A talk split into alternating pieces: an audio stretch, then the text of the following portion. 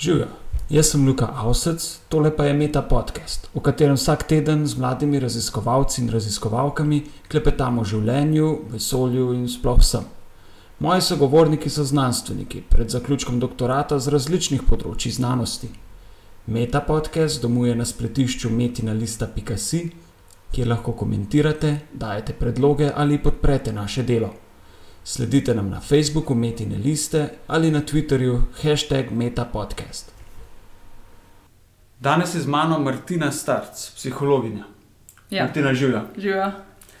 Martina je mlada raziskovalka in asistentka za občo psihologijo, tukaj na oddelku za psihologijo Filozofske fakultete v Ljubljani. Natančneje, zaposlena si v laboratoriju za kognitivno nevroznanost. Ja. Pri mentorju, Uh, Gregi Repovša. Najprej asistentka, kjer stvari poučuješ. Poučujem vaje iz kognitivne psihologije. Za študente psihologije. Za študente psihologije in tu- tudi kognitivne znanosti. Aha, to imamo študij kognitivne znanosti. Ja, to je interdisciplinarni študij, ki poteka na Univerzi v Ljubljani, pa tudi v sodelovanju z štirimi drugimi univerzami v Evropi. Kombinira pa več različnih ved, znanosti, od računalništva, filozofije, pedagogike, psihologije in tako naprej. Skratka. Na vseh treh bolonskih stopnjah. Um, mislim, da zaenkrat na- je to magistrski študij, pripravi pa mislim, da tudi doktorski program. Ti si psihologinja in uh, pot do trenutno mesta mlade raziskovalke na filofaksu te je vodila še prek drugih zadev. Med drugim si delala na inštitutu Antona Trstenjaka za gerontologijo in medgeneracijsko sožitje. Res je. E, tam si delala na enem zanimivem projektu, ki se je ukvarjal s preučevanjem zadovoljstva v starosti.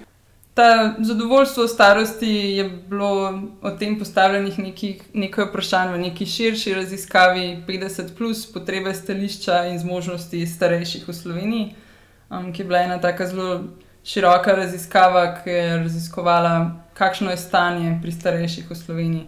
Ko rečeš stanje, misliš s tem, kaj je zdravstvo, bivanje, duhovnost, psihološko dobrobit. Tako, v bistvu smo želeli celostno preveriti, kako se starejši počutijo, kakšna so njihova stališča, kako, kak dostop imajo do zdravstvenih storitev, kako živijo, kakšni so njihovi materialni pogoji. Um, mene pa predvsem kot psihologinjo zanimalo, kaj doživljajo, kako so zadovoljni, srečni. Um, kakšen je njihov smisel v življenju. Pač izbrala sem si nekako tista področja, ki so bila meni osebno bolj zanimiva in se z njimi malo bolj v detajle ukvarjala. E, Prej si mi rekla, da ko ste preverjali to neko splošno zadovoljstvo ali pa neko psihološko blagostanje, da so vaši intervjuvanci odgovarjali na to vprašanje na lestvici od 1 do 4 in da so večinoma bili na splošna vprašanja kar precej zadovoljni v celi situaciji. Ja, to je kar pogost pojav, da če ljudi vprašamo v splošnem, kako so zadovoljni z življenjem, bo večina ljudi rekla, da so zadovoljni. Um, sploh, če vprašamo po zadovoljstvu pri sreči, mogoče nekoliko v manjši meri. Ampak v splošnem gledano ljudje ne pomislijo takoj na kakšne negativne, specifične stvari, ki bi se jim dogajale v življenju in rečejo, pa v splošnem sem kar zadovoljen. To je, to je dobro sporočilo, da imamo v splošnem zelo zadovoljne ljudi. Ampak najbrž, ko pa vprašaš bolj konkretno, ste zadovoljni s čakalnimi vrstami. Recimo? Ja, takrat pa vidimo, da je veliko stvari, ki bi se jih dalo tudi spremeniti. Ampak v psihološkem smislu je pa vsekakor dobro, da imamo nek tak optimizem, neko tako splošno zadovoljstvo, ki je lahko potem tudi podlaga za to, da imamo sploh motivacijo, da se lotimo spreminjati tiste stvari, ki pa mogoče niso tako pozitivne. Zdaj pa delaš v, kot rečeno, v laboratoriju za kognitivno nevroznanost. In uh, ko smo se pogovarjali, sem te prosil, da mi na kratko poveš, kaj delaš, in tako le navedla. Da se ukvarjaš s povezavo med čustvenimi in miselnimi procesi, natančneje s prostorskim delovnim spominom. Da mečkaj to nam opiši. Miselni procesi so procesi razmišljanja, spomina, delovnega spomina, pozornosti, skratka vse, kar potrebujemo nekako za funkcioniranje. In zanima me, kako na to vplivajo čustva. Ali lahko te procese čustva izboljšajo ali jih lahko poslabšajo, kakšen vpliv skratka imajo. Z neko hladno akademsko logiko bi najbrž rekel, da čustva bolj motijo naše eh, razsodno razmišljanje. Tvoje mnenje je drugačno? Ja, no, že, tem, že v tem smislu obstajata nekako dve strani. Ena bolj, recimo, tako klasična teorija trdi prav to, da nekako moramo razmišljati s hladno, trezno glavo in da čustva pri naših odločitvah ne bi smele imeti nobenega vpliva. Se pa v nekih novejših teorijah, kot je recimo Damasijeva teorija um, somatskih označevalcev in pa koncept recimo emocionalne inteligentnosti, tam se pa bolj uveljavlja prepričanje, da vsaj v nekih takih življenjskih konkretnih odločitvah čustva igrajo pomembno vlogo in jih moramo upoštevati, zato da sprejemamo optimalne odločitve. Zdaj, pri moji študiji se pa nekako spuščamo še na nekako bolj osnoven nivo nekih procesov, um, čisto v smislu, ali lahko že pri nekih teh osnovnih procesih, kot je. To, da si za nekaj sekund zapomniš položaj nekega predmeta. Temu rečemo delovni spomin, to je to? Ja, v tem primeru bi šlo za delovni spomin, za položaj prostorski. oziroma prostorski delovni spomin. To je delovni spomin v splošnem, je tisti del spomina, ki ga potrebujemo za to, da si za nek kratek čas zapomnimo omejeno količino informacij, ki jih potrebujemo za to, da tekoče izvajamo neke naloge.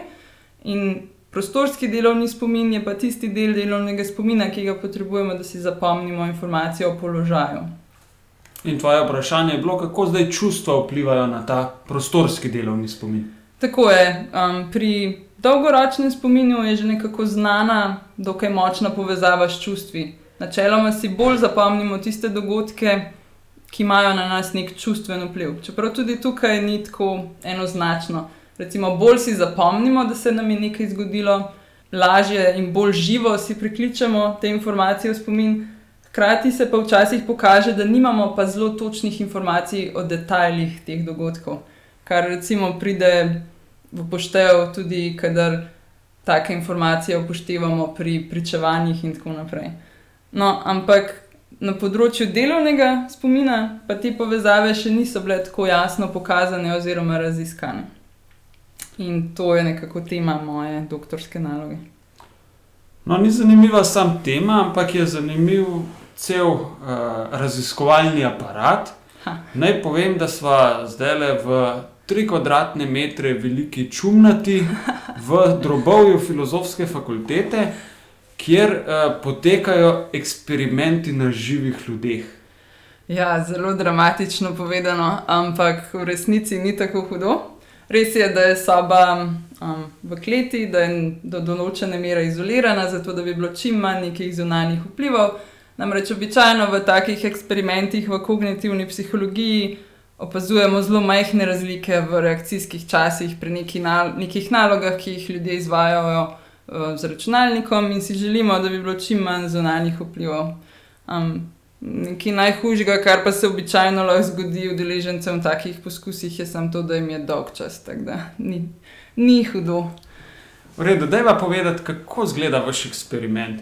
Če želite testirati prostorski delovni spomin, kaj naredite?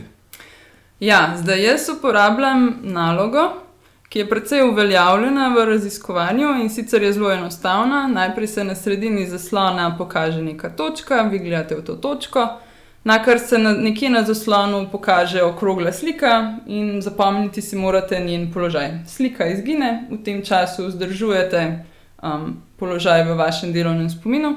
In na koncu se na sredini zaslona pojavi siv krok, in ta siv krok lahko premaknete z joystikom, premaknete ga na mesto, ki ste si ga zapomnili, in ga tam zadržite.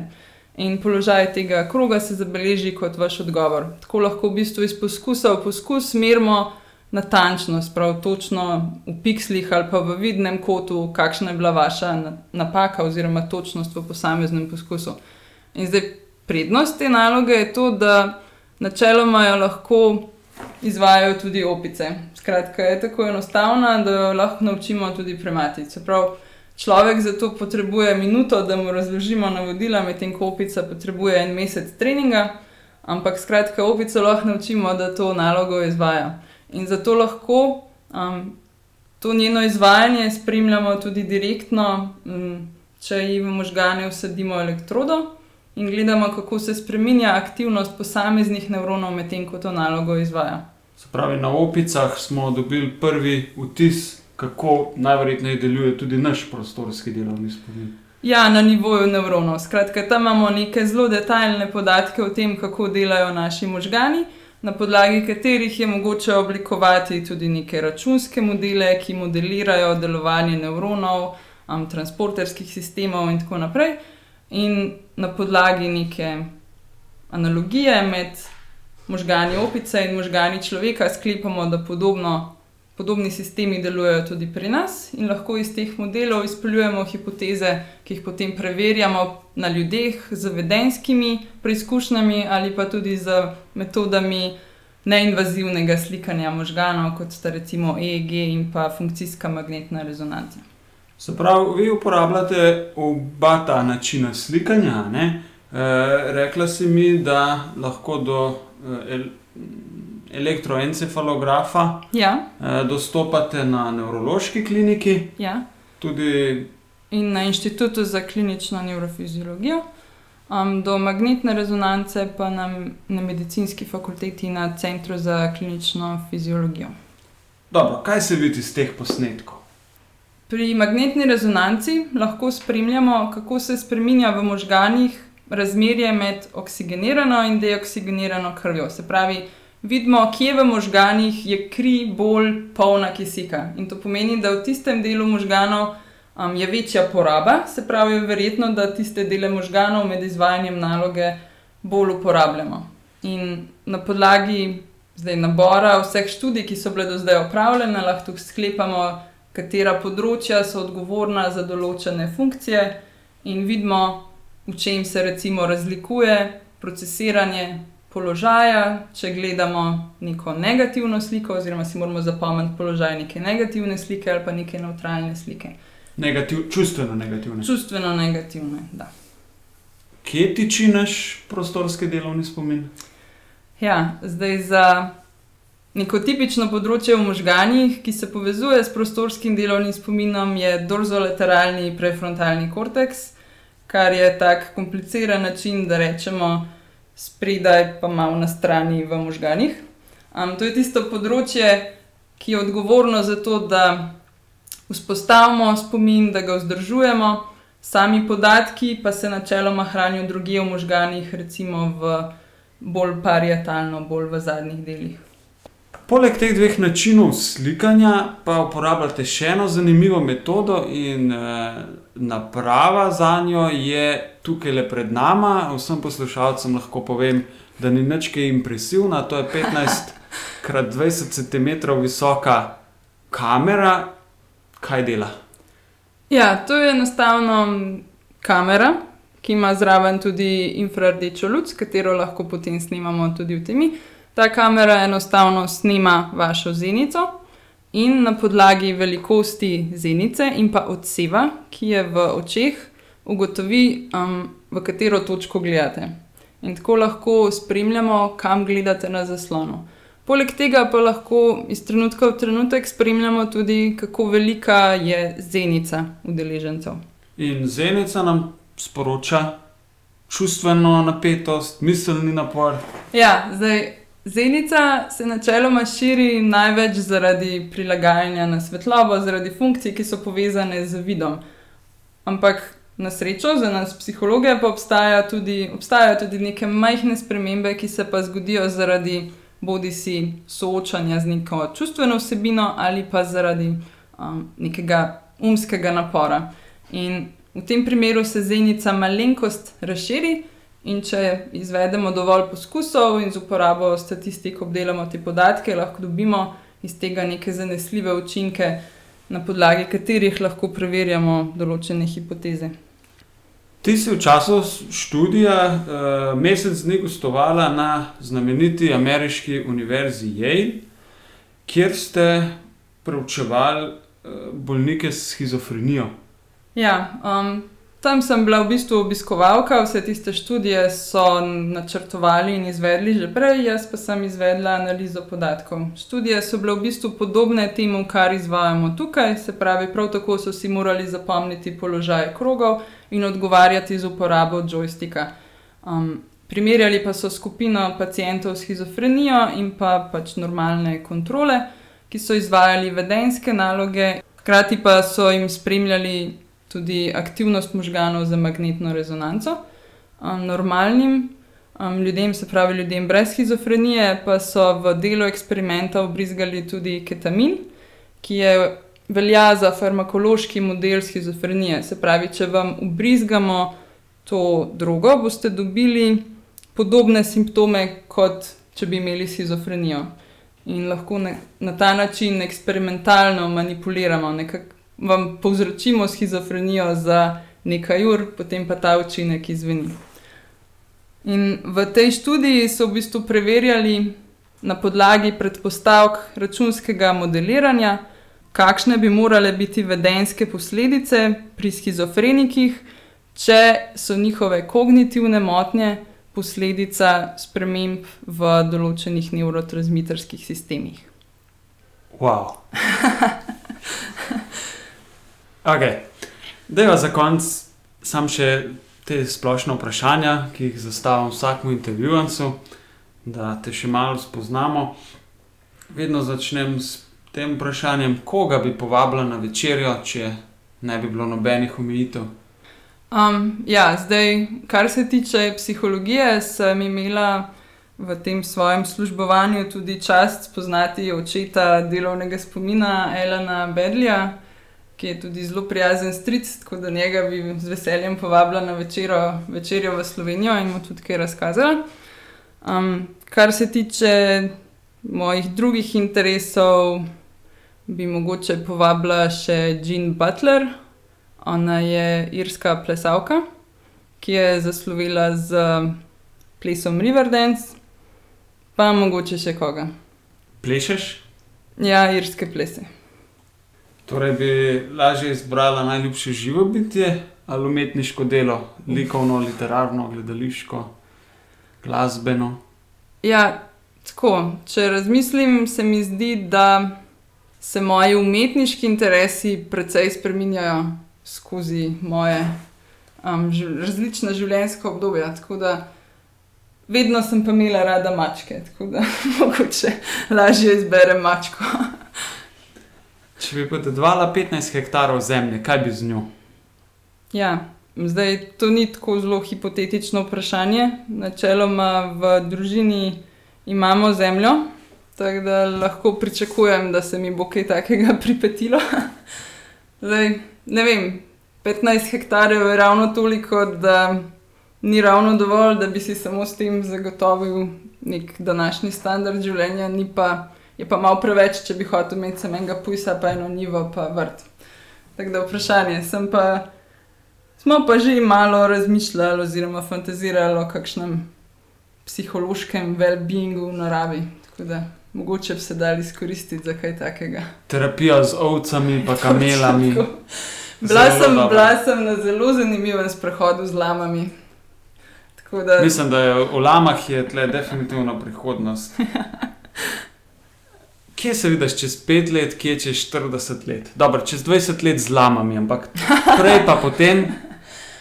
Ja, zdaj čez 5 let se mi zdi, da veliko moje prihodnosti bo odvisno od naslednjega leta, kaj se bo v bistvu zgodilo. Ali bom nekako uspela dobiti mesto na fakulteti kot raziskovalka, kot asistentka, ali pa ne. Tako da težko rečem, ampak želela pa si bi imeti službo, mogoče otroka čez 40 let bi bila potem po tej logiki profesorica, recimo z uglednimi objavami, upajmo. Lahko pa da se vse obrne v čisto drugo smer. Spet lame. Tako. Se kaj zanimivega prebrala, kakšen film pogledala v zadnjem času, ki ga lahko priporočiš? Brala že zelo dolgo nisem, mi je pa všeč Haruki Murakami. predvsem ena njegova knjiga, ki v bistvu ni fantazijska, ampak govori o tem, kako je on pisatelj in kako je k temu je njemu pomagal tek. Haruki Murakami, zakaj tečem? Točno tako. E, si želiš več prostega časa, kot ga imaš zdaj? Kaj bi počela, če bi ga imela? Ja, zdaj moja služba mi načeloma omogoča precej fleksibilen delovnik, tako da z tega vidika imam čas, da vse uredim, imam čas, da počnem različne stvari. Ampak to pa tudi pomeni, da sta prosti čas in delo nekako manj ostro zamejena. Tako da zelo redko imam pa dovolj časa, da bi počela nič, da bi si pustila početi nič, kar je pa zelo važno za ustvarjalnost, za nove ideje, za počitek, za igro in tako naprej. Tako da želela bi si več časa, ko ne bi imela nekje v mislih, kaj vse še moram narediti. Da bi lahko počistila svoj delovni spomin. Recimo tako. Martina, hvala za pogovor. Hvala tudi tebi. Poslušali ste Meta podcast.